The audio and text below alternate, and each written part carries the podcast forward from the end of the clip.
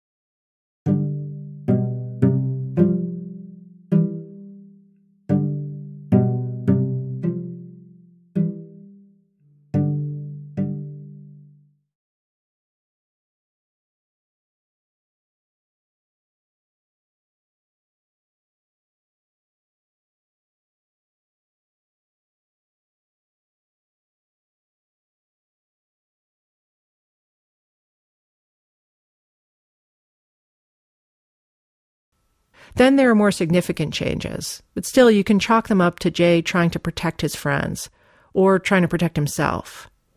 In the first taped interview, Jay says they're grabbing some food at a restaurant when Officer Adcock calls Adnan asking if he's seen Hae. The next time he tells it, he says that when that call comes, they're at a friend's apartment, a friend whose father happens to be a homicide detective in another county. Jay tells the cops he'd actually been to her house three different times that day, but he didn't want to get her in trouble. In the first tape statement, Jay says he refused to help dig a grave for Hae. Two weeks later, he says they both dug the hole. But then there are other changes, bigger changes, where it's harder to judge why the details shift. This one, for instance. In the first taped interview, Jay says Adnan only told him that same day that he was going to kill Hae.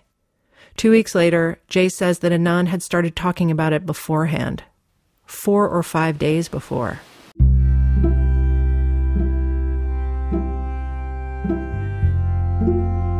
thank you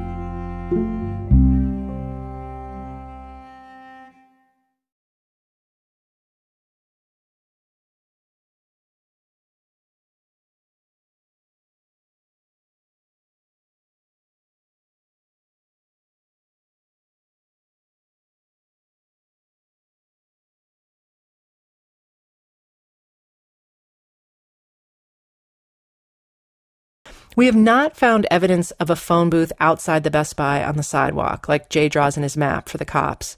But we have now seen two anecdotal reports that there was a payphone inside the vestibule. We haven't been able to verify these reports, but we did get a look at the 1994 architectural plans for that Best Buy.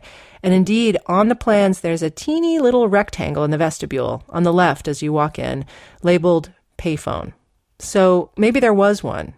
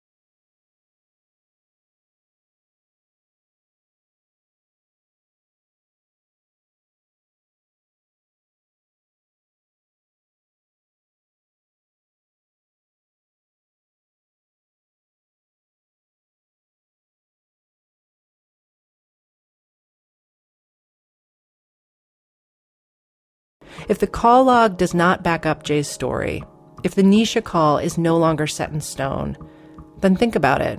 What do we got for that file? All we're left with is Jay knew where the car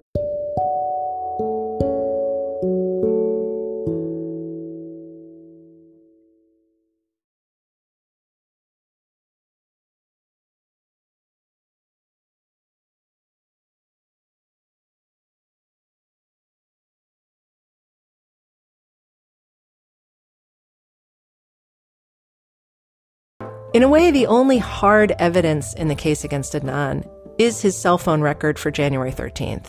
That's what the cops and prosecutors used to corroborate Jay's statements.